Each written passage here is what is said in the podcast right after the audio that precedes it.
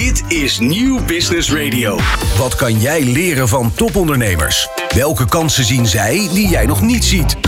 De horeca, retail, e-commerce of welke branche dan ook. Dit is De Ondernemer Live met Jonathan van Noord.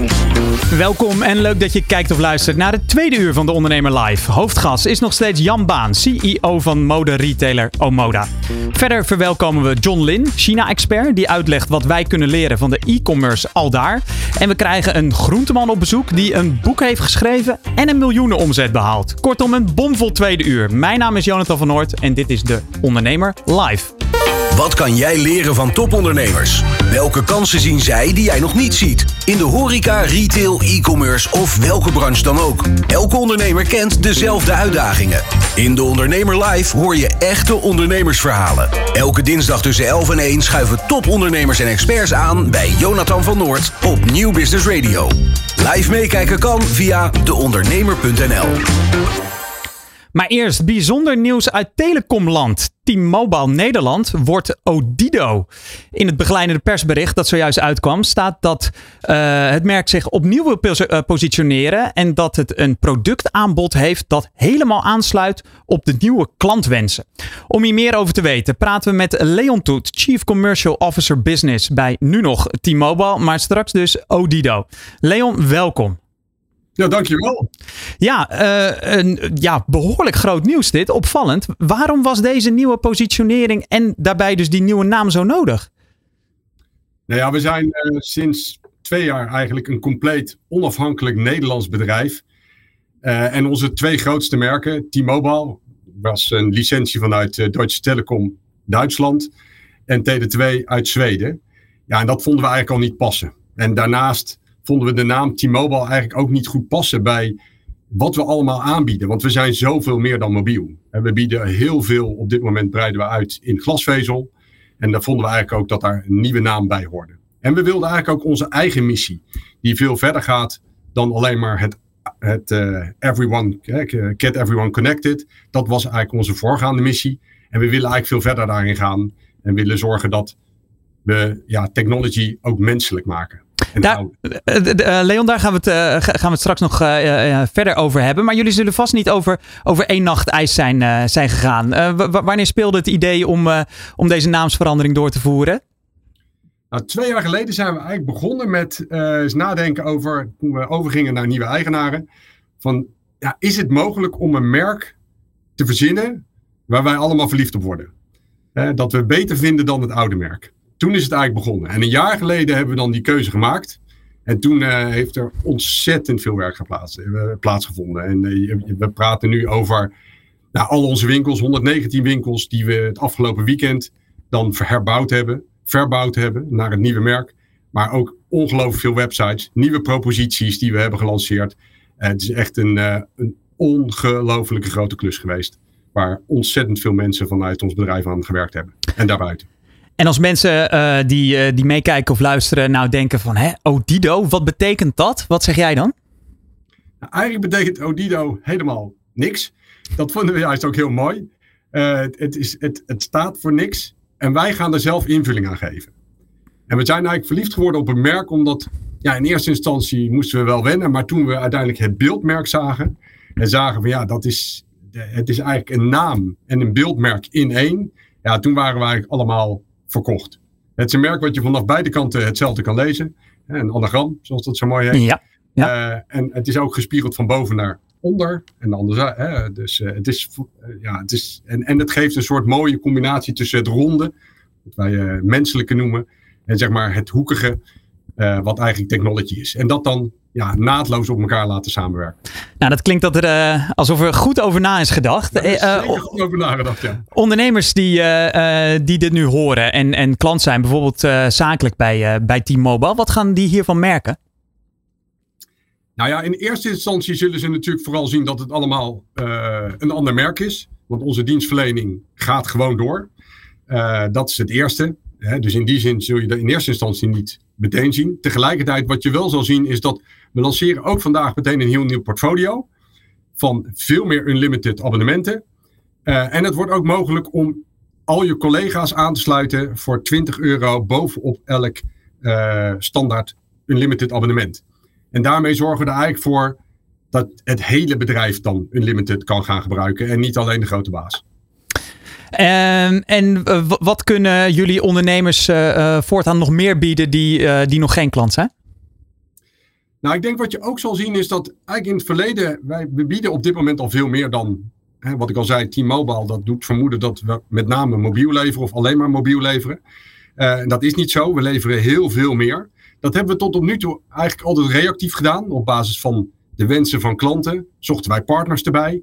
En wat we nu doen, en je ook meteen zal zien vanaf vandaag, is dat we die partners eigenlijk meteen in de vitrine laten zien. Uh, en dat onze mensen ook klaarstaan om dat, die one-stop shop voor die totale oplossing, ja, dat wij die kunnen servicen. En dan praat je over oplossingen als, ja, hoe zorg ik nou voor dat ik optimaal hybride kan werken? Hoe zorg ik ervoor dat ik de interactie met mijn klanten verbeter? Hoe zorg ik ervoor dat ik de veiligheid van mijn connecties eigenlijk beter maak? Dus al dat soort oplossingen, ja, die zul je veel en veel prominenter zien onder het nieuwe merk Odido. Helder. En um, voor mijn beeld ook. Uh, uh, per wanneer uh, moet ik dan naar odido.nl en zie ik boven in mijn telefoon niet meer T-Mobile staan, maar Odido? Vanaf vandaag. Vanaf vandaag al? Ja, vanaf vandaag. Echt, tien uur is de website opengegaan. Is alles Odido geworden. Op dit moment vinden ook zeg maar, de migraties plaats dat iedereen zeg maar, bovenin zijn scherm niet meer T-Mobile ziet, maar Odido. Uh, alle klanten worden ingelicht. Uh, al onze accountmanagers zijn dus ook bezig om al onze klanten nu te informeren dat we een nieuwe naam hebben en wat dat betekent. Ja, het is een gigantische operatie, maar ontzettend mooi. We gaan het straks uh, checken in ons, in ons eigen mobiele, mobiele scherm. Dank voor het toelichten. Leon Toet van T-Mobile en straks dus, of nee, nu van Odido. Leren van topondernemers. Kansen zien waar anderen overheen kijken. Dit is De Ondernemer Live. Hoofdgast van vandaag is nog steeds Jan Baan, CEO van mode-retailer Omoda. Jan, als we het uh, over on, uh, ondernemen anno nu hebben, dan uh, ontkom je er niet aan als ook het kopje duurzaamheid op tafel komt. Zeker. De mode staat er nou niet per se onbekend dat het de meest duurzame uh, sector is. We kennen allemaal de vreselijke beelden van uh, uh, kledingbergen die in, in Afrika en Azië gedumpt zijn. In hoeverre denk jij dat de mode retail ooit echt duurzaam kan worden? Nou, ik denk dat wij met name in de komende jaren best wel heel veel stappen zullen gaan zetten. Die we ook overigens al ingezet hebben in de afgelopen jaren. om eigenlijk de allerbelangrijkste factor aan te kunnen pakken. Namelijk ervoor te zorgen dat de consumenten de juiste keuze maken. Kijk, uh, op het moment dat de consument altijd maar blijft kiezen voor het meest goedkope of het minst duurzame, dan kun je doen wat je wil. Maar dan zal er in onze economie en de manier waarop onze uh, maatschappij werkt, uh, dat heel lastig worden om dat uiteindelijk voor elkaar te krijgen. Dus een eerste hele belangrijke. En wat je wel ziet, waar wij ook echt wel op in proberen te spelen, is dat dat bewustzijn steeds relevanter wordt. Uh, consumenten, uh, klanten leveren hun oude kleding steeds meer in op punten waarvan ze weten dat het juist gerecycled wordt. In plaats van dat ergens naast de straat zetten uh, in een gemeentedoos waar allemaal uitgegraaid wordt en de potten mayonaise bij wijze van spreken erbij worden gegooid. Je ziet ook dat klanten steeds meer zoeken op duurzaam gemaakte producten of producten gemaakt van duurzame materialen. Um, ik denk dat het 100% duurzaam zijn van deze sector lastig wordt daar, kan ik, daar heb ik ook geen glazen bol voor. Heb ik te weinig kennis van de echte details voor wat betreft de productieketen. We zijn immers geen producent.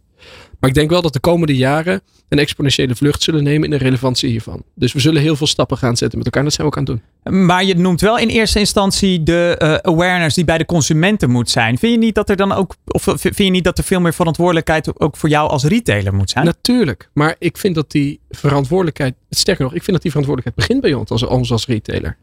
Wij moeten als retailers, wij moeten als bedrijven ervoor zorgen dat we dit faciliteren. En dat we die klanten ook kunnen informeren over het maken van de juiste keuzes.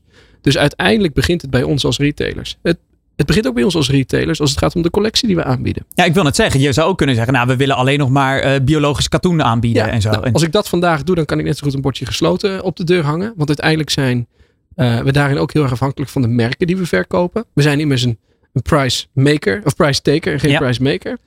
Um, uh, en, maar wat we wel heel erg zien is dat de merken waar we nou mee samenwerken steeds meer een groeiend deel van hun collectie duurzaam produceren, van duurzame materialen maken en dat dat dus heel erg groeiend is. Zo'n transitie maak je niet overnight, Maar je ziet wel dat dat heel hard gaande is. En daarmee dus ook de welwillendheid van klanten om uiteindelijk ook zo'n keuze te maken. In het nieuwsbericht, wat ik dus eerder aanhaalde op de ondernemer.nl over het aantal kledingwinkels wat, uh, wat gedaald is, uh, werd duidelijk dat het aantal tweedehandszaken juist ja. extreem is toegenomen. Volgens mij maar doe ik even uit het hoofd zelfs met 50%. Ja, zoiets. Ja. Is dat voor jullie ook een optie om uh, op die tweedehandsmarkt te gaan richten? Nou, kijk, de vraag is, je moet wel doen waar je goed in bent en niet zomaar iets doen omdat het ergens heel vaak in het nieuws komt. En wat je nu ziet is dat in de afgelopen jaren her en daar best wat initiatieven zijn geweest. Dus overigens recent, ik denk een maand of twee, nog een uitvoerig onderzoek doorgedaan door, ik geloof het FD. Um, dat er veel grote retailers zijn geweest die die stap hebben gemaakt om een tweedehands marktplaats aan te bieden.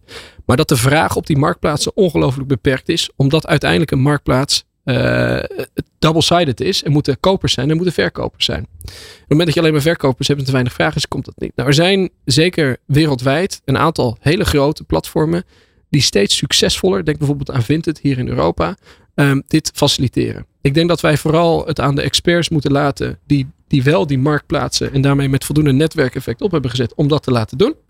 Uh, ik denk wel, ik vind ook wel dat wij het onze klanten moeten faciliteren. Dus wat wij bijvoorbeeld wel doen, is uh, hun kleding innemen en dat vervolgens um, opnieuw produceren, recyclen tot nieuwe producten die we weer kunnen verkopen. En dat zijn zaken die je moet faciliteren, maar het vervolgens te kunnen verkopen aan andere klanten, dat lijkt nu wel zo te zijn dat uh, een grote club als een Vinted daar het voortouw in zou nemen. En dat is heel goed. En het is ook logisch dat dat relevantie wint. Het woord marketplaces is al, uh, is al eventjes gevallen. Daar gaan we het straks verder over hebben met John Lin, onze China-expert. En die laten we ook even in gesprek gaan daarna met, met jou, Jan Baan, CEO van Omoda. Je luistert naar De Ondernemer Live. Elke dinsdag live van 11 tot 1 op Nieuw Business Radio. Tijdens de coronalockdown zag expert John Lin wat een drama click en collect was. Bij veel winkels moest je telefonisch doorgeven wat je wilde hebben om vervolgens over een paar uur je producten te kunnen ophalen. Dat kan en moet beter. Hoe? Dat leerde hij in China. John, welkom. Dankjewel. Ben je net terug uit China? Hoe, uh, hoe ja, lang ben je al in het land? Eindelijk na vier jaar uh, daar weer heen mogen gaan. Leuke familie zien en alle innovaties gezien die daar gaan. Dus net als een kind in de snoepwinkel. Ja, uh, want even jouw, jouw achtergrond. We zetten jou altijd neer als ja, retail e-commerce expert met een, met een Chinees tintje. Hoe moeten we je noemen? ja, China-expert, dat is waar ik nu mee ga. en voor de rest ben ik een stereotype Nederlands geboren Chinees. Dus ouders in de afvalrestaurants. En nu uh, bij, de, uh, bij, de ondernemer, uh, bij de ondernemer live. Hey, ehm, net, net, terug dus. hoe ziet zo'n zo'n reis er voor jou uit, uit? Want het is deel denk ik ook hè, familie opzoeken, maar deels ook trendwatchen, inspiratie. Ja, dus met veel ook gewoon oud studenten, vrienden meeten en ook met een paar bedrijven spreken van hey, wat gebeurt er allemaal. Maar eigenlijk waar het echt leert is als je er zelf mee gaat spelen. dus op een gegeven moment zit ik in een hotel half twaalf s'nachts. Ik heb zin in een midnight snack. Ja goed, hier kan je misschien een kebab bestellen. Maar daar bestel ik een halve watermeloen. En die wordt dan bezorgd van de lokale groenteboer. Kijk, daar gaan we het dus uh, straks over hebben. Want uh, uh, John denkt de sleutel eigenlijk in handen te hebben. Hoe je als kleine MKB'er toch mee kan op het web. Met onder andere een webshop. Want dat heeft hij, zoals hij net uitlag, uitlegde, gezien in, in China. Zou je kunnen, kunnen aangeven hè, de, in, in, welke steden ben je geweest en wat valt je daar dan op?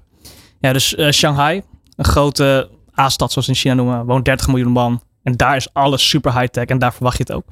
Op een gegeven moment ga je naar de iets kleinere steden. En in China zijn ze gerankt met letters A, B, C, D op politieke macht en grootte. Uh, waar mijn ouders vandaan komen, Wenzhou, uh, is een C-stad. Een kleine stad in China, wonen slechts 9 miljoen mensen. Kijk, kijk, kijk, kijk. Maar daar zie je dat een stuk minder high-tech. Het is iets minder hoogbouw, um, geen metro's zelfs. Dus je merkt dat daar qua infrastructuur achterloopt. Maar qua e-commerce is het echt booming. Qua uh, ook gewoon food delivery. Alles is daar eigenlijk op een niveau waarvan we denken... hier moeten we Nederland nog vijf of tien jaar aan bouwen.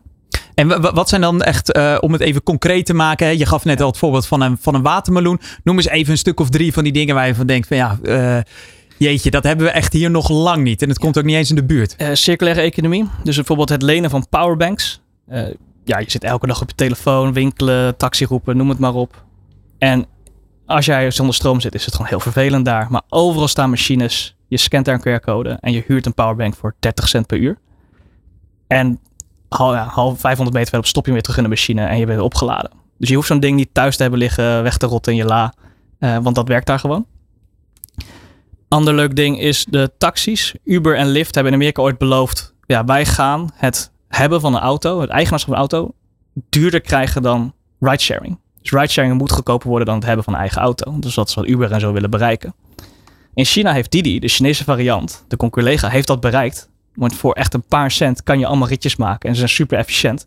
Want iedereen doet het. Dus je hebt een bepaalde kritieke massa bereikt. Dus ja, ik heb niet veel gelopen, want het was 40 graden, super heet buiten. Dus ook voor ritjes van 500 meter pakte ik een Didi-taxi.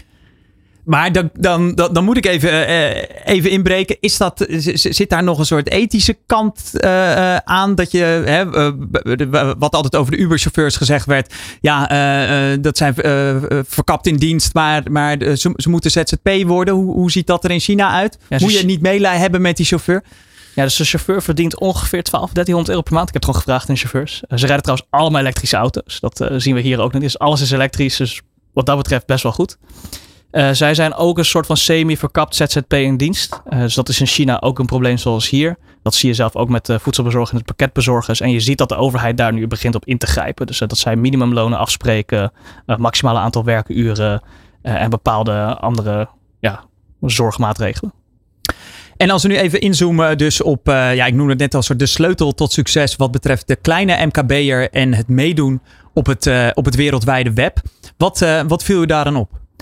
Ja, het mooie is dat juist zo'n klein ondernemer daar totaal geen onderscheid ziet meer in online of offline. Ik weet nog dat in mijn bol.com tijd dat ik daar werkte, we hadden het al over de transitie naar online. We moeten mensen meer online laten winkelen, want daar moet het heen. Best wel logisch, want in Nederland is het online geld ongeveer 20% van de totale retail. Maar daar zie je ondernemers heel anders denken. Van nee, die klant is altijd online. Het is gewoon dezelfde klant. Ik hoef niet onderscheid te maken tussen een online en offline klant. En in China zie je dat de helft van alle retail online gaat. Eh, maar een klant die kan online reserveren, offline naar binnen komen. Of je hebt zelfs offline winkels, zoals uh, Luckin Coffee is daar heel be- beroemd. Dat zijn koffiezaakjes waar je geen koffie kan bestellen als je naar binnen loopt. Dat moet online via de app. En ze komen er binnen een kwartier bij je thuis bezorgen, je mooie latte macchiato. Of Met kan- schuimkraag nog helemaal... eh, Alles. Ja? ja, en eh, voor dezelfde prijs. Maar die winkels die zijn dan niet... ze- zijn in de dure winkelstraten, maar dan aan de achterkant, weet je, waar de huur goedkoper is. Zodat ze wel een goede locatie hebben voor de bezorging. eh, maar dan wel ingericht zijn voor die online consument. En eh, we, we hebben elkaar hier, hiervoor ook nog even gesproken. Toen gaf je ook het voorbeeld van zelfs bijvoorbeeld een groentewinkel die een webshop heeft. Dat moet je me even uitleggen. Ook vooral omdat we straks een groenteman ontvangen. Ja, dus kleine groenteboer, bakkertje, slagertje of een apotheekje. Die zijn in China allemaal online. Eh, en die zijn online op de platformen zoals Meituan en Ulema. En je kan het vergelijken met Uber Eats of Thuisbezorgd. En hun hele assortiment is online te bestellen en te bezorgen. Het interessante daarvan is, zo'n kleine ondernemer heeft niet de software skills of de IT-capaciteit om zoiets te bouwen. Maar dat hebben die grote platformen gedaan. Dus ze hebben allemaal zo'n terminaltje, een soort van iPad met een printer eraan in hun winkeltje liggen. Daar doen ze een, softwarebeheer op, eh, winkel inkopen, voorraadbeheer, koppelingen met de platformen, openingstijden. Want dat is je hele winkelbesturingssysteem. Eh, en daarmee zijn zij gewoon online. Eh, want de grote platformen hebben ervoor gezorgd, of die hebben gewoon gezegd, wij moeten dat kleine MKB online krijgen. We moeten dat niet kapot maken, we moeten dat omarmen. En dit is een manier waardoor dat MKB dus in leven blijft eigenlijk. En niet opgeslokt wordt door de, door de grote reuzen die daar actief zijn. Ja, zeker. Het is juist de hele platformgedachte van we moeten iedereen betrekken. Eh dat is een beetje ook collectivistisch, wat je daar juist veel meer ziet. Eh, in plaats van ik moet zelf mijn inkopen doen, ik moet zelf groot worden, ik moet zelf goedkoper zijn en dan de rest eigenlijk wegvagen. En als we dat nou eens vergelijken met Nederland, waar ik me in ieder geval. eh, ik, ik- kan geen groenteboer herinneren die, eh, die een, webshop, een webshop heeft. Ehm, welke lessen zijn er dan te trekken in jouw optiek vanuit, vanuit China? Wat kunnen we hier beter doen dan wat we al doen? Ja, dus zo, al, voor een kleine ondernemer eigenlijk helemaal niet bang zijn voor online. Het is makkelijker dan ooit om online te gaan verkopen. En je hoeft niet per se zelf een winkel te hebben. Want het hele idee van platformen worden groot, platformen worden machtig. Dat is zo. En uiteindelijk zie je dat die een grote rol gaan hebben het online stuk. Eh, maar uiteindelijk hebben zij de baat bij om die ondernemer te helpen. Want zij vangen daar commissie op. En die commissie moet je even inrekenen in je businessmodel. Maar experimenteer daar zeker mee. Met de bol.coms, met de Amazons en ook met een stukje Google. En daarnaast heb je een hele trend met social. Eh, want veel social platformen gaan ook beginnen met verkopen. En afhankelijk of je assortiment geschikt is daarvoor, moet je daar ook gewoon op een gegeven moment gewoon gaan experimenteren en gewoon gaan proberen. En vraag gewoon je handige neefje, zusje, zoontje om dat gewoon te doen. Uh, straks gaan we uh, een reactie vragen aan uh, Jan Baan, CEO van, van Omoda, die natuurlijk ook van alles weet over, over e-commerce. Maar ik heb toch nog wel een vraag als het dan gaat over een, een klein zaakje mee laten doen op het web. Ik heb wel de ervaring dat bijvoorbeeld in de restaurantwereld soms een klein restaurantje meedoet en dat gelijk de hele ziel van de zaak verdwijnt, want ze zijn alleen maar aan het bezorgen. We hebben het net met Jan erover gehad, over hoe waardevol zo'n winkelervaring is. Heb jij dat in China gezien? Is dat daar ook zo? En of, ja, wat, wat vinden de mensen er daarvan? Merken die dat ook? Ja, dus het lastige is balans. Je hebt in China veel van die viral social media filmpjes dat een kleine bubble tea zaak helemaal overspoeld wordt door bezorgers. Uh, het is bij ons in het restaurant uh, ook gebeurd van mijn oom. Dus op een gegeven moment waren er zoveel orders dat ze het niet meer aankon. Ik ja, uh, beste oom, je kan die knop dichtzetten van het aantal orders dat je accepteert. En, want anders heb je gewoon te veel teleurgestelde klanten. Daar moet je gewoon een beetje scherp op zijn en leren mee omgaan welke belofte je waar wil maken en waar je eigenlijk als ondernemer je focus op wil leggen. Ja, uh, Jan, ik zie jou uh, een paar keer uh, grijnzen. Jan Baan, CEO van, van Omoda. wat, wat denk jij als, je, als je John zo hoort? Nou, allereerst heel herkenbaar. Ik ben um, in 2000, eind 2019 ook in Shanghai geweest. En hebben we een soort gelijk, en we hebben dan een soort retail tour daar gedaan. Dus je ziet dat heel erg gebeuren. Wat ik wel denk is dat, ik denk dat er twee verschillen zijn. Uh, ik denk als eerste dat de consument in Nederland een andersoortige consument is dan de Aziatische consument, of in dit geval de, de consument uit China zelf. Omdat uh, die consument in China eigenlijk het hele, de hele factor offline retail bijna heeft overgeslagen. Bij ons is het stapje voor stapje gegaan en daar is de penetratie ongelooflijk snel gestegen. Die hebben zelfs bijna de desktop overgeslagen, terwijl hier nog steeds een deel van de klanten op een computer koopt. Het tweede is dat de, uh, de platformen en datgene wat softwarematig voorhanden is in uh, dit soort landen. En met name China, als je kijkt naar Azië, van een dusdanig andere klasse is en categorie. En dusdanig makkelijk gebruikt wordt, waardoor de, de barrière voor de, de retailer zelf om dat te gebruiken dusdanig laag is. Dat ten opzichte van Nederland dat een hele logisch is dat ze die zo snel die stap zetten. Om alleen maar bijvoorbeeld te denken aan het gedecentraliseerde systeem van belevering. Op het moment dat jij die uh, meloen hebt besteld, komt er waarschijnlijk een scootertje naar jouw huis. En die specifieke bezorger die dat heeft bezorgd, die heeft die order zo aangenomen als ware een Uber-bezorger. Hier in Nederland moeten we eerst het eh, brengen bij een hub van DHL of PostNL, voordat we het zeg maar bij de klanten thuis brengen. We moeten hopen dat het dezelfde dag gebeurt. Dus dat systeem erachter is zeg maar, dusdanig veel sneller geëvolueerd, dat we denk ik daar in Nederland nog niet helemaal klaar voor zijn. Het gevolg daarvan is dat als je kijkt naar de commissies, ook voor sommige partijen, die in Nederland ook een stukje hoger zullen liggen dan dat dat in China het geval is. Het businessmodel daarmee voor een retailer hier in Nederland kan dus zijn dat je die omzet wel maakt, maar dan wel aan de andere kant een heel stuk van je winstgevendheid zal moeten opgeven vanwege de relatief hogere commissie die er wordt gevraagd op de grotere platform in Nederland. In China is dat heel anders. Omdat in sommige gevallen de commissie dusdanig laag is dat de marginale impact van die omzet die je doet bijna van een vergelijkbaar niveau, of soms zelfs nog van een beter winstgevendheidsniveau, dan de omzet die je in een retail shop zou doen. Nou, ik geloof best wel dat we langzaam die stappen zullen zetten. Ik verwacht niet dat we ooit op het niveau zullen zitten van uh, die penetratie, de manier waarop dat zo is neergezet in China. Uh, maar ik denk dat een hele grote voorwaarde zal zijn dat we die twee dingen dus fixen. Softwarematig, uh, de barrière heel laag maken. En aan de andere kant het vanuit een businessmodel perspectief aantrekkelijk genoeg maken voor die kleine retailers om die stap te zetten. Want als je mij vraagt, zou jij als retailer, zou jij nu een retailer met, laten we zeggen, een miljoen omzet adviseren om de stap naar online te maken? En zelf een website te bouwen, dan zou ik zeggen, begin er alsjeblieft niet aan. Want het kan je, het kan je waterloo worden met alle uh, complexiteit die er tegenwoordig bij komt kijken. Dus ik snap dat als je die stap online wil zetten, dat je marketplaces moet gebruiken. Maar ik denk in Nederland nog wel iets genuanceerder ligt. John? Uh, grotendeels eens. Want uh, ja, de commissies zijn hier hoog en dat, dat merk je. Uh, je ziet wel dat er een soort van oorlog gaan is. Want het is allemaal beetje voor beetje verlagen. Google wil shopping en Facebook wil shopping. Dus op een gegeven moment, ja. uh, eigenlijk is het alleen maar goed voor de, voor de ondernemer die op een gegeven moment meer marketplace heeft om te kiezen. Wat hier ook zit en wat je zegt, China hebben ze veel stappen overgeslagen. hier zit een soort van wet van de remmende voorsprong dat veel retailers Klopt. op hun oudere systemen zitten die niet kunnen connecten of ja, die niet om kunnen gaan met het online stuk.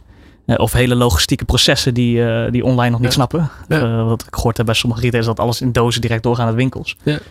Dus die moeten daar een ander stuk voor inrichten. Tegelijkertijd heb je de beweging van ja, online groeit. En het groeit redelijk stabiel hard door. Mm -hmm. Je moet er wat mee. Eens. want anders, vroeg of laat, staat je winkel toch leeg. Tegelijkertijd blijf ik ook wel echt vinden dat je Uh, ik vind niet noodzakelijkerwijs dat wij als retailers, of misschien de kleine retailers, er per se wat mee, mee moeten. Ik denk ook dat je als hele goede groenteboer um, een ongelooflijk bereik kunt creëren door gewoon je propositie heel sterk neer te zetten. Door ja, dat gaan we straks, uh, dat gaan we ja, straks, uh, straks horen. Maar is het verhaal van John dan misschien ook niet van ja, je kan niet allemaal die topper zijn, dus dan moet je mee met, met de massa om te overleven bijvoorbeeld? Ja, hangt vanaf of je denkt dat je het nodig hebt om te overleven. Uh, als je kijkt bijvoorbeeld naar het restaurant van mijn familie, waar we in coronatijd gewoon de omzet nodig hadden van het afhalen en bezorgen om überhaupt te overleven, ja. En je merkt nu dat het, uh, het is een grote al je. Dus als je nu corona is voorbij, mensen komen in de zaak en we hebben thuisbezorgd, staat gewoon bijna uit. Uber iets gebeurt bijna niet meer, uh, want ja, die, die zaak draait vol. En eigenlijk heeft de keuken de capaciteit niet eens om online erbij te doen of afhaal. dus daar, zit, daar is gewoon de keuze gemaakt. Dus dan zou je het kunnen zien als een soort ventiel bijna wat je gebruikt om uh, iets te upscalen of een stukje van je vraag al niet op te vullen. Maar goed, het businessmodel van dit restaurant is ingericht op een volle zaak draaien. Ja. Grote huur, veel ja. personeel. Maar als je een kleinere kebab, pizza, afhaalzaak hebt, dan moet je toch, ja, dan richt je businessmodel anders in. Uh, je hebt er ook een expertblog uh, over geschreven, John, bij ons op de, op de website van de ondernemer. En daarin zeg je eigenlijk, ja, digitaliseren is makkelijker dan ooit door al die verschillende online platformen. Zijn die er echt wel op ingericht om die MKB'er ook te, te ontvangen in Nederland? Zeker, alleen ze vinden is lastig. Dus je hebt Shopify staat beroemd in en zij maak het makkelijker door eigenlijk net als met je telefoon. Je hebt gewoon één basissysteem. Je hebt allemaal apps omheen die je kan connecten. Het is makkelijk als je een soort van leeg begint. Ik wil een nieuwe shop openen. Oh, ik moet magazijn beheren, is een pakketje voor. Ik moet kunnen afrekenen, is een pakketje voor. Je kan bijna alles relatief makkelijk bij elkaar klikken. Als je een onderneming hebt van minder dan vijf man. Als je groter wordt en je had al systemen, dan wordt het complexer. Dan moet je expertise inhuren om het er vast te zetten. Uh, maar juist voor de kleintjes, en mijn vriendin runt ook nog een webshop, ja, dat, dat heb je de middag in elkaar geklikt. En dan kijk ik even naar Jan. In hoeverre, en dan zie ik jou even als de grote retailer. In hoeverre denk je dat de, de, de Bols en de, en de Amazons op deze kleintjes zitten te wachten? Ja, dat vind ik lastig. Kijk, ik zit niet op hun stoel, dus dat kan ik niet zo snel zeggen. Um, ik denk op dit moment wel dat het model wat deze grote platformen hebben best heel succesvol is. Dat zie je ook. Dat zie je ook aan de ontwikkeling ervan. Um, uh, maar het staat of valt wel bij de welwillendheid van de kleine retailers in Nederland om ook die stap te zetten. Dus deze grote marketplaces zouden hun commissie kunnen halveren of misschien nog wel verder kunnen verlagen. Maar dan moet het nog steeds wel uit kunnen voor wat betreft de rest van de systematiek. Is bezorging dan voldoende goedkoop in Nederland om dat te faciliteren? En dan ga je helemaal terug naar de vraag waarom alles rondom flitsbezorgers nou, niet helemaal een succes is te noemen vandaag de dag. Dat gaat ook terug naar het verdienmodel van de Nederlandse werknemer die heel anders ligt en op loonkostenniveau totaal anders is dan andere landen in deze wereld waar het wel succesvol werkt. Dus het is denk ik niet alleen maar uh, de vraag of deze grote marketplaces dat strategisch willen, maar of het hele ecosysteem zou kunnen meewerken. En dat vraag ik me op dit punt nog wel af. Ja, zeker eens. Dat ecosysteem is een ding. Want uh, wat je net al zei, die flitsbezorgers, iedereen heeft zijn eigen busje, zijn eigen bezorger, zijn eigen personeeldienst. Waar je in China juist met een gedecentraald systeem werkt. Uh, wat conceptueel al efficiënter is. Ja. Uh, en het leuke is volgens mij, Uber Eats is vorige week begonnen met het toevoegen van supermarktjes. Ja. Uh, dus zij beginnen al te snappen, hey, wat, wat is Meituan hun collega aan het doen? Ja. Want ja, datzelfde poppetje wat rondfietst, die kan, uh, die kan verschillende pieken opvangen. Want de boodschappen komen voor het avondeten. Nou, dan komen de maaltijden rond avondeten. En dan pakketjes komen daarna.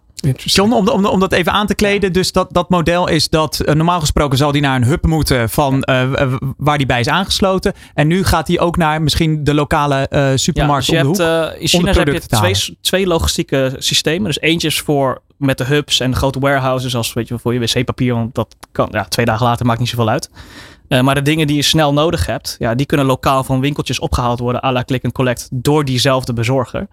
Uh, ja, ik weet nog een paar jaar geleden zit je, zit je op terras ergens in Utrecht of Amsterdam en dan zie je zes verschillende kleurtjes uh, fietsers langskomen. Ja. ja. dat hoeft helemaal niet. Uh, dat kan je veel efficiënter maken als je samenwerkt. Maar dan moet je die ecosysteemgedachte gaan hebben. Ja. Maar dan ben ik toch benieuwd ook uh, uh, waar, uh, waar Jan eigenlijk op doelde, dat, dat culturele. Dat, ja, zit dat er niet veel meer in in China van inderdaad, ik heb nu een watermeloen nodig om half twaalf s'nachts en, ik, en ik bestel hem. Zijn wij als Nederlanders daar en misschien de Zeeuwen wel nog meer daar het soort te nuchter voor? Ja, ik denk dat cultureel vanaf de andere kant het is. Je hebt zeg maar de consumentkant. De consument wil iets, maar ik denk als de consument een optie krijgt dat het vanzelf vaak wel gaat gebeuren als het echt makkelijker en goedkoper is.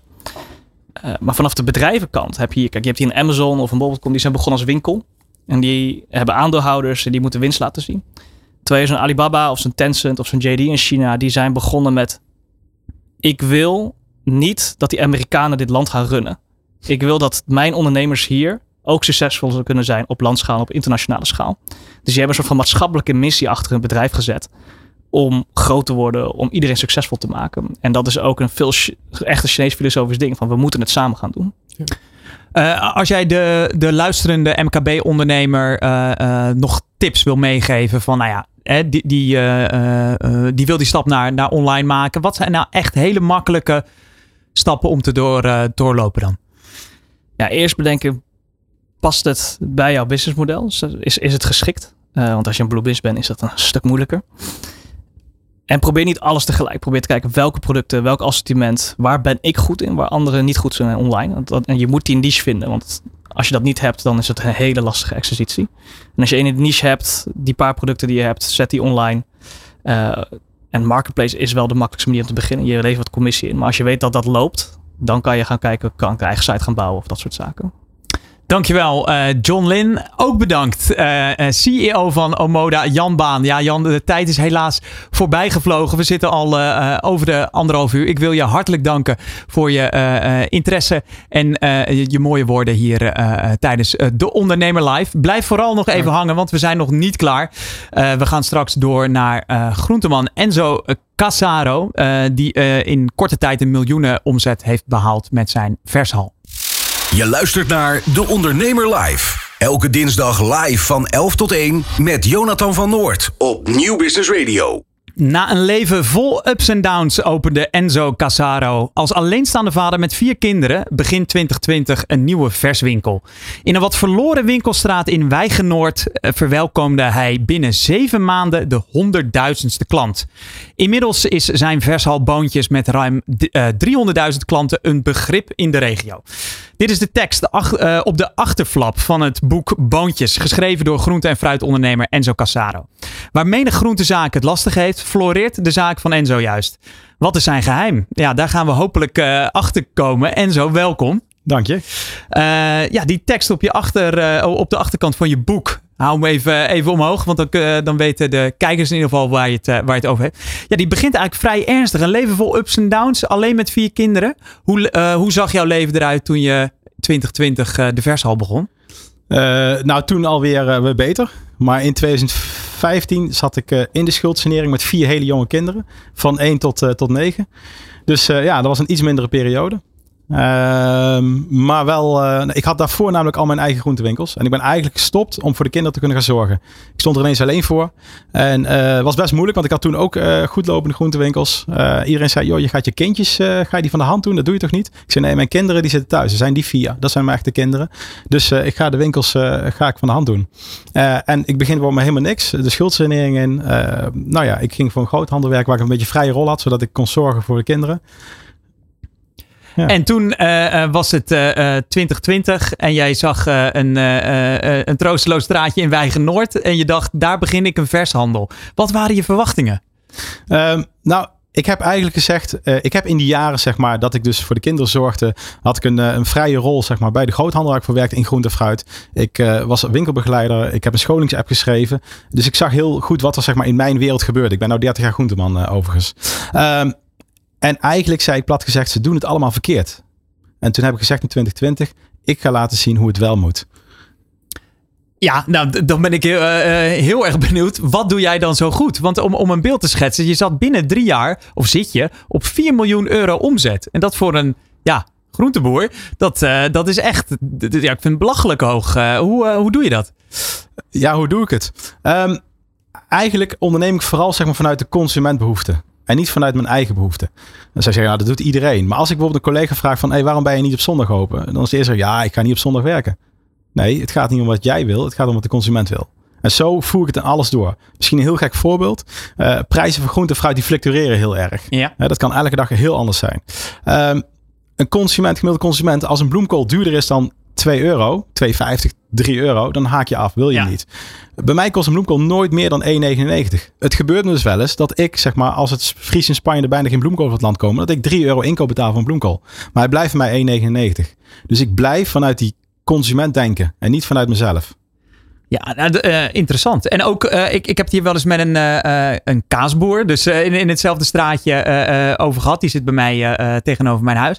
En die, die startte en die dacht eerst, ik begin gewoon lekker traditioneel, altijd maandag en dan tot de zaterdagochtend. En toen is hij eens gaan rondvragen in de wijk, een beetje een juppenwijk. Ja, en die willen om, om, op dinsdag om zeven uur s avonds willen, willen die een, een stukje kaas. Want ja, dan hebben zij een borrelplankje. En toen is hij eigenlijk heel zijn openingstijden gaan, uh, gaan aanpassen. Inderdaad, zondag open, maar bijvoorbeeld op maandagochtend, ja, iedereen aan het werk, dan is die dicht. Dat hoor ik jou eigenlijk ook zeggen. Dat je veel meer moet kijken naar de, naar de wens van de consument. Ja, ja, ja. En als het dan gaat zeg maar, over van wat is er nou eigenlijk gebeurd met die groente speciaalzaken. Ik ben uh, eh, 30 jaar geleden stapte ik een groentewinkel binnen om te gaan werken. Zoon van een pizzabak was helemaal niet de bedoeling. Maar ja, ik was niet zo'n schooltype. Dus ik denk ik ga toch even eh, iets anders doen. Um, toen stonden de rijen dik, stonden mensen daar ook 30 jaar geleden bij die groenteboer om naar binnen te gaan. Toen stelde de, uh, de groenteafdeling van de supermarkt niet veel voor. Nou, de supermarkt kwam in ontwikkeling, werd groter, ging veel sneller ontwikkelen als, als de groenteboer. Um, en daardoor zijn er een hele hoop afgevallen. Uh, het is natuurlijk heel moeilijk om te ontkijken van hey, hoe ga ik nou als groenteman in je eentje, hoe ga ik verder? Um, wat gingen interieurbouwers doen met de winkels waar het wel redelijk mee ging? Die zeiden, ah, je moet een heel mooi interieur nemen. We gaan meer op maaltijden inzetten. We gaan op andere dingen. Bijna een soort tracteur werd de groenteman. Ja, ja, dus ik kreeg een heel duur imago. Ja. Want als ik aan jou vraag van, goh, waar kan ik het beste een, eh, een, een bakje aardbeien halen? Is dat op de markt, de supermarkt of bij de, bij de groenteboer? Dan zeg je nou, ik ga wel naar de markt. Ja. Het meest toegankelijk, zeg maar. Dus wat uh, hadden ze eigenlijk moeten doen? Ze hadden juist veel meer een marktachtige uitstraling moeten creëren in hun winkel. In plaats van juist een heel luxe interieur. Ja. Nou ja, dat hebben we natuurlijk met, met boontjes gedaan. Ja, uh, want uh, in jouw boek komt geloof ik ook het voorbeeld naar voren. in ieder geval, ik heb het in een interview met je gelezen. Dat je eigenlijk zegt van, hè, je had vroeger de krop andijvie. Dat werd toen de gesneden andijvie. En later werd dat de andijvie stampot. Die je bij de groenteboer annex tracteur eigenlijk kon kopen. En daardoor werd de prijsperceptie van het assortiment eigenlijk hartstikke hoog. Terwijl dat bij sommige producten misschien helemaal niet zo was. Ja, ja en met name zeg maar, omdat ze gingen zich meer focussen op die maaltijden. En daarbij passen op een manier een ander interieur. Hè? Dus die interieurbouwers die dan zeg maar in onze handel zaten, uh, ja, die willen ook geld verdienen. Die gaan niet zeggen, nou neem maar marktachtige uitstraling. Maar als je nu bijvoorbeeld gaat, als je kijkt naar markt in Amsterdam en de Q, eh, ongetwijfeld wel kennen, ja. Ja, dan zie je ook geen luxe groenteboer. Hè. Uh, die ziet daar juist ook gewoon, net zoals het ook in het buitenland is, uh, hele toegankelijk als je naar, naar Borough Market in Londen gaat. Hè. Hele toegankelijke uitstraling. Dat vind ik ook zo grappig, zeg maar, wat ze hier in Nederland hebben gedaan met de markthal in Rotterdam. Ze, zagen overal die, die markt ontstaan in die grote steden in het buitenland, in oude hallen. En dan gingen we hier een heel mooi nieuw gebouw neerzetten. Super mooi gebouw. Maar wat gebeurt er? Iedereen kijkt alleen naar boven, maar niet naar de handel. En het heeft zo'n duur imago dat de eerste groenteboer die daar feitelijk inging, ja, die was ook binnen no time ten dode opgeschreven. Maar ik kan me bijna niet voorstellen, en zo, dat het zo relatief makkelijk is. Van hè, je huurt gewoon een grote loods en je knalt er wat groente in tegen een, een vaste lage prijs. Is dat, is dat het geheim in een notendop? Uh, eigenlijk wel, één, één, uh, één noot. Uh, je moet er wel verstand van hebben. Kijk. Het is niet zomaar iedereen kan groente fruit verkopen. Je moet wel eerst even in de leer gaan je moet, dat is wel een vak. Dat wordt ook nog eens onderschat. En kan je dan een voorbeeld geven waar dat, hè, uh, uh, dat Enzo Casaro uh, momentje dan in zit als het gaat om de groente inkoop? Want ik vermoed dat het daarom gaat. Nou ja, laat ik even mandarijnen als voorbeeld nemen. We zijn allemaal gewend dat we gewoon 52 keer per jaar mandarijnen kunnen kopen. Een boom geeft maar één keer per jaar mandarijnen. Hoe kan het dat wij 52 keer per jaar toch mandarijnen kunnen krijgen? En zijn ze altijd goed? Nee, zijn, ah, je hebt wel eens, oh nee, ze zijn nou minder. En waarom? Nou, wat ik bijvoorbeeld doe, uh, ik, ik, zal het proberen heel kort te houden. Maar eigenlijk, je hebt twee zomers in de wereld. Hè, het zuidelijk halfrond en het noordelijk halfrond ja. van de wereld. Dus je hebt eigenlijk met een mandarijnenseizoen moet je een half jaar doen. Je hebt vroege en late rassen. Nou, juist aan de randen van de seizoenen dus de, de, eerste oogsten en de laatste. Dat, dat is het meest moeilijke om goede kwaliteit te kunnen kopen. Dan koop ik juist de hele dure varianten. De, de topkwaliteit. Maar midden het seizoen als overal uh, goede mandarijnen van boom komen, dan kan ik met een, met een andere variëteit weg, zeg maar, die wat toegankelijker in prijs is. En ik hou mij, zeg maar, in mijn marge mix, hou ik het dan zo dat die consument er niet in de gaten heeft. Dus plat gezegd, maar in de randen van de seizoenen, dan heb ik dan minder marge of een min marge op. Maar midden in het seizoen heb ik een hele goede marge op. En als nu een uh, ondernemer aan het luisteren is, maar die, uh, dat, dat is geen groenteman, maar uh, een kaasboer of een, een, een, ander, een ander vak. Wat zijn dan de tips die je eigenlijk in algemene zin kan meegeven, die sectorbreed zijn? Ja, eigenlijk waar ik eigenlijk het verhaal mee begon, denk vooral vanuit de consument en niet vanuit jezelf. Je bent zo genegen om te denken van ik vind dit leuk. Uh, ik, even een heel simpel voorbeeld. Uh, ik heb gele kaarten in mijn winkel hangen met rode stift. Ik vind ze spuuglelijk. Maar voordat ik, ik verkoop bijvoorbeeld ook nootjes. Nou, voordat Ja. ik met deze winkel open ging, zei ik tegen mijn nootleverancier die ik al heel lang kende. Ik zeg, noem eens even jouw drie beste locaties in Nederland. Ik ga daar kijken. Want ik ga gewoon nadoen wat hun doen. En ik zag overal die spuuglelijke gele kaarten hangen. Dat marktgevoel geeft ja, dat, dat. marktgevoel Ja. geeft. Dus ik kom thuis en ik zeg tegen mijn vriendin van ja, ik zeg, eh, ik moet met die gele kaarten. Ja, ik zeg nee, ik zeg, dat ga ik niet doen. Maar daarna zeg ik tegen mezelf, maar wacht even. Wie gaat dadelijk daar jouw salaris betalen? Ben je dat zelf of is dat die consument? Nee, dat is die consument. Dus ik moet doen wat die consument wil. En kennelijk komt die mensen, consument daarop af. Dus moet ik zo gaan werken. En voel je daar dan ook zeker niet te groot voor eh, eh, om, eh, om, om dat toe te passen?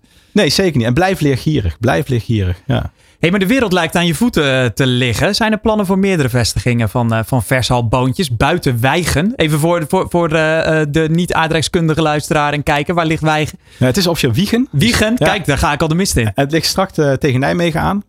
Ehm, nou, die vraag die je nou stelt, die krijg ik heel vaak. Echt Ja. heel vaak. Eh, eh, ze komen, mensen komen inmiddels van Arnhem, Den Bosch, uit de hele regio komen ze vandaan om mijn boodschappen te doen. En ze roepen natuurlijk allemaal hetzelfde. Kun je niet zo'n winkel ook hier Ja. beginnen?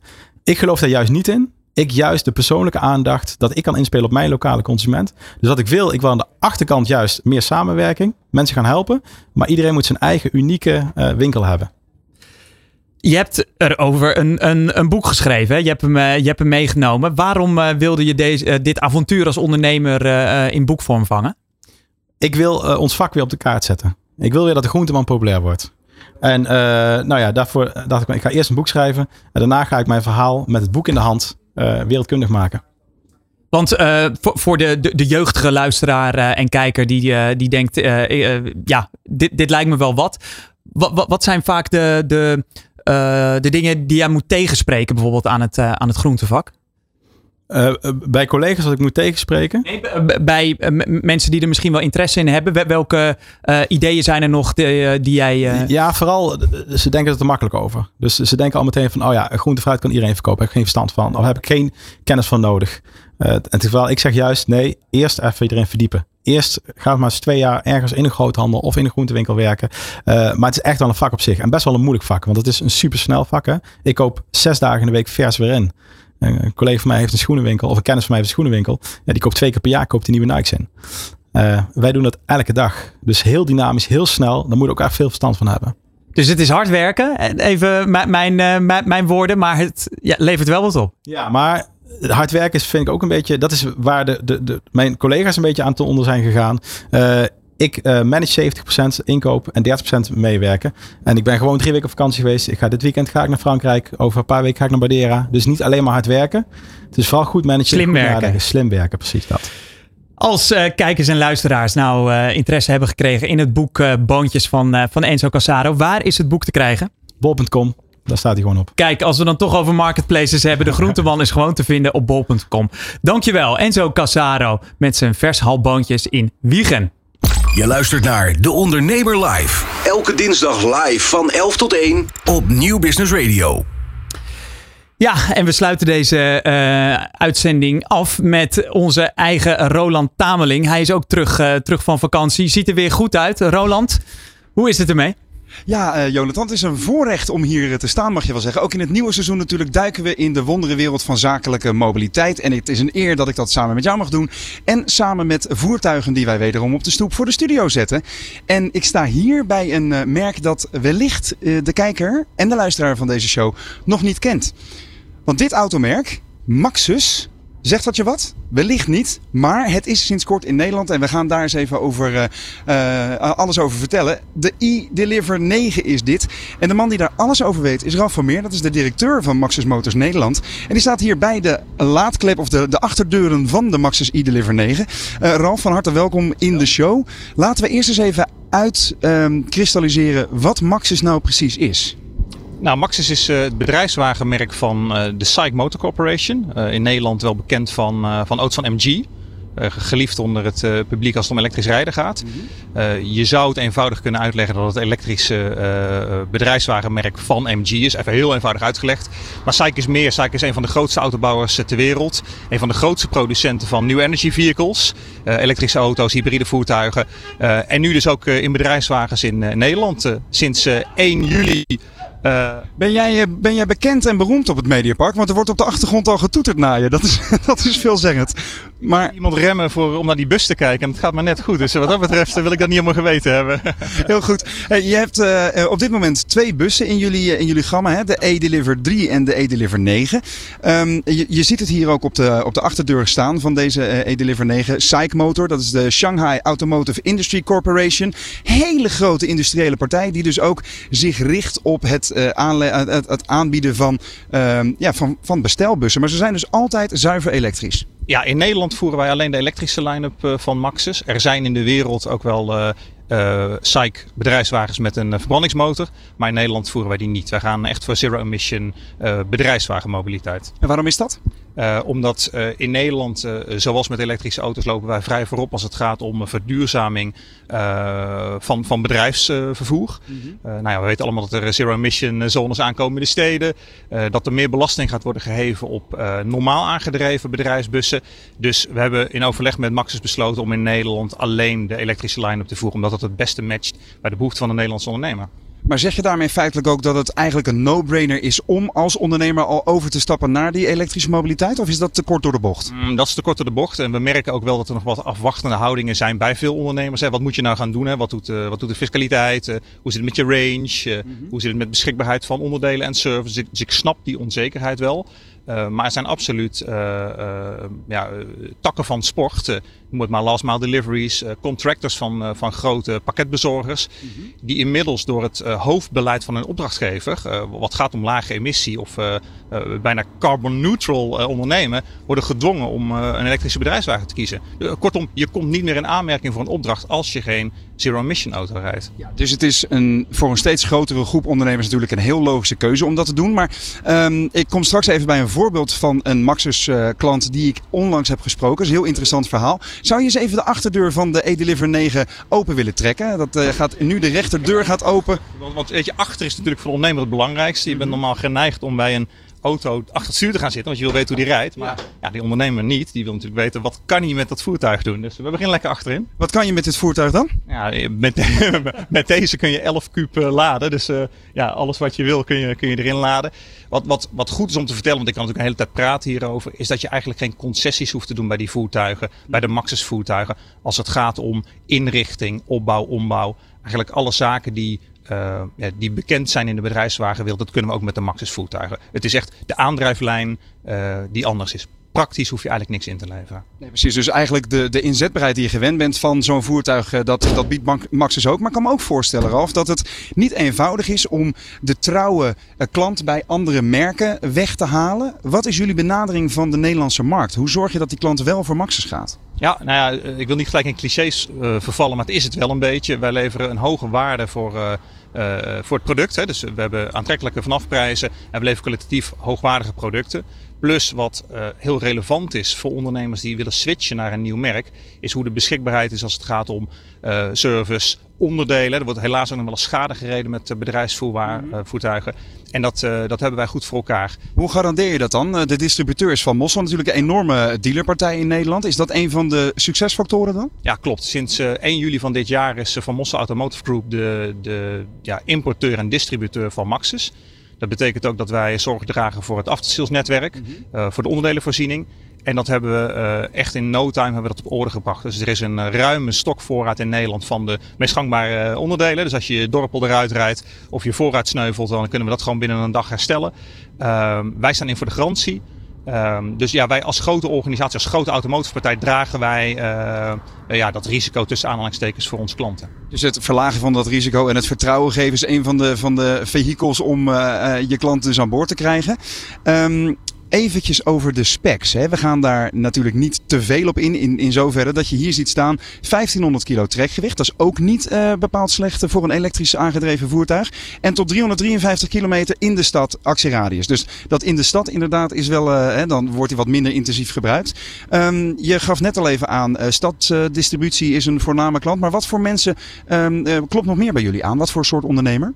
We zien ook... Um nou, een mooi voorbeeld is een groot verhuisbedrijf in het midden van het land. onlangs geswitcht is naar, naar Maxis. omdat ze willen voorsorteren op, op wat komen gaat, fiscaal gezien. Maar ook als bedrijf een uitstraling willen hebben. Dat, dat, ze, dat ze nadenken over de toekomst van, ja, van zero emission vervoer. Dus uh, enerzijds zijn het mensen die gedwongen worden om te switchen vanuit hun, uh, hun opdrachtgever. Bijvoorbeeld contractors bij distributeurs. Mm -hmm. maar je ziet ook dat er bedrijven zijn die vanuit hun eigen bedrijfsvisie, familiebedrijven of verhuisbedrijven bijvoorbeeld, als switchen naar, uh, naar Maxis voertuigen. Ja, het is wel mooi dat je die meteen opgeeft. Want als jij ze achter het stuur zou willen gaan zitten van de e-Deliver 9, uh, leg ik even uit over welke ondernemer ik het net had inderdaad. Op de site van deondernemer.nl kun je ook al een productie zien, een videoproductie die wij hebben gemaakt bij potverhuizers in, in Amersfoort. Zij zijn al overgestapt inderdaad op deze Maxis. En um, Mark Pot, de directeur daar, vertelt een heel duidelijk verhaal waarom hij deze keuze heeft gemaakt. En waarom deze auto zich ook onderscheidt ten opzichte van andere modellen die je bij de concurrentie kunt kopen. Interessant verhaal en zeker herkenbaar voor ondernemers. En wat hij ook zegt, is deze bus doet eigenlijk totaal niet onder. Sterker nog, het is zelfs een mooiere bus ook van binnen dan wat de concurrentie levert. Eh, dan kan ik natuurlijk zeggen, wat vind jij daarvan? Maar jij beaamt dat volmondig. Kun je even, eh, even laten zien, Ralf, wat jij nu om je heen hebt terwijl jij achter het stuur zit van de bus. Ja, zeker. Want jij hebt natuurlijk al, uh, al meegereden. Je hebt meegereden ook uh, met, uh, met firma Pot. Um, kijk, wat, wat belangrijk is, want we kruipen toe even achter het stuur als je als een Nederlandse ondernemer of gewoon als chauffeur mm -hmm. met een voertuig van dit kaliber moet gaan werken. Wat belangrijk is, is dat alles Nederlands is. Uh, het is natuurlijk een, een auto die in, uh, in het Verre Oosten wordt gebouwd, in Azië wordt gebouwd. Maar de auto is echt volledig afgestemd op, uh, ja, op de Nederlandse behoeften. normale zaken als CarPlay in het, in het display of Android Auto standaard aan boord. Um, maar ook je clusterpaneel is gewoon in het Nederlands. Je bedoelt het, het, de, de displays die je in het dashboard hebt inderdaad. Gewoon ook achter het stuur, de tellers, de informatiepanelen. Dat is allemaal gewoon keurig vertaald. Dus je, je hoeft niet te improviseren onderweg. Nee, klopt. En, en ja, ik haalde net al kort aan, de prijs-waardeverhouding is hoog. Dus uh, comfortabele zaken als stoelverwarming, veiligheidssystemen, een achteruitrijcamera. Dat, uh, dat zit er eigenlijk altijd op op een Edeliver 9. Ja. Nou las ik uh, onlangs, sterker nog, vanmorgen is naar buiten gekomen. Dat je als je weer bij me zou willen komen staan buiten de bus. vanmorgen bereikte mij het bericht dat jullie een, een hele mooie actie in het leven hebben geroepen om de SEBA-subsidie, de stimulering elektrische bedrijfsauto's, die inmiddels al, al is vergeven voor dit jaar. Ondernemers hebben hun kans gepakt, maar jullie houden die regeling vanuit jullie eigen organisatie nog overeind. Kun je dat even uitleggen? Hoe ik als ondernemer mijn voordeel kan halen daarbij? Ja, ja natuurlijk. Subsidies zijn altijd interessant. Wat, uh, wat jammer is, is dat uh, de stimulering van de overheid om uh, ondernemers te helpen om te switchen naar, naar elektrische mobiliteit, die is super positief. Um, maar omdat er zoveel animo voor is, is de pot vervroegd leeg. Ja. kortom, we leven nu begin september en de subsidiepot van 33 miljoen is uh, leeg. En wat wij heel jammer vinden is dat als uh, ondernemers de visie met ons delen om echt te switchen naar duurzame mobiliteit, dat ze dat nu niet doen omdat de substantiële subsidie mislopen. Uh, wij hebben besloten met, uh, met uh, Maxis Motors Nederland om die subsidie te compenseren. Dus ondernemers die nog voor het einde van het jaar kiezen voor een voertuig van Maxis, mm -hmm. die krijgen van ons de subsidie gecompenseerd, zodat ze geen enkele uh, reden hoeven te hebben om toch niet versneld naar een elektrisch voertuig te switchen. En dat kan uh, uiteindelijk oplopen tot een bedrag van? Maak ons even lekker af nog, tot slot. Daar komt die 5000 euro en dat is ex-BTW voor de ondernemer. Kijk, ja. kijk. En inderdaad, het vergt wellicht een iets hogere investering dan dat je voor een klassieke dieselbus zou gaan. Uh, een, een, een elektrisch voertuig is simpelweg wat duurder vanwege de toekomstgerichte technologie natuurlijk. Maar dit soort initiatieven helpt zeker mee om, om het bereikbaar te houden. Ralf van Meer, dankjewel. Ik dank je hartelijk dat je hier bent gekomen om het verhaal van Maxus Motors Nederland uh, uit te leggen. En wil je meer informatie? Kijk dan ook even die video op deondernemer.nl en uh, zoek op Maxus. Dan uh, kom je vanzelf op je bestemming, denk ik. Dankjewel. Heel goed. Elke dinsdag een andere inspirerende ondernemer te gast tijdens De Ondernemer Live. Van 11 tot 1 live op Nieuw Business Radio. Dat was hem dan, de eerste ondernemer live van dit seizoen. Hartelijk dank aan alle gasten en in het bijzonder Omoda CEO Jan Baan. En natuurlijk ook jij bedankt voor het kijken of het luisteren. Volgende week zijn we terug, vertrouwd op dinsdag tussen 11 en 1. Tot dan! Wat kan jij leren van topondernemers? Welke kansen zien zij die jij nog niet ziet? In de horeca, retail, e-commerce of welke branche dan ook. Elke ondernemer kent dezelfde uitdagingen. In de Ondernemer Live hoor je echte ondernemersverhalen. Elke dinsdag tussen 11 en 1 schuiven topondernemers en experts aan bij Jonathan van Noord op Nieuw Business Radio. Live meekijken kan via deondernemer.nl.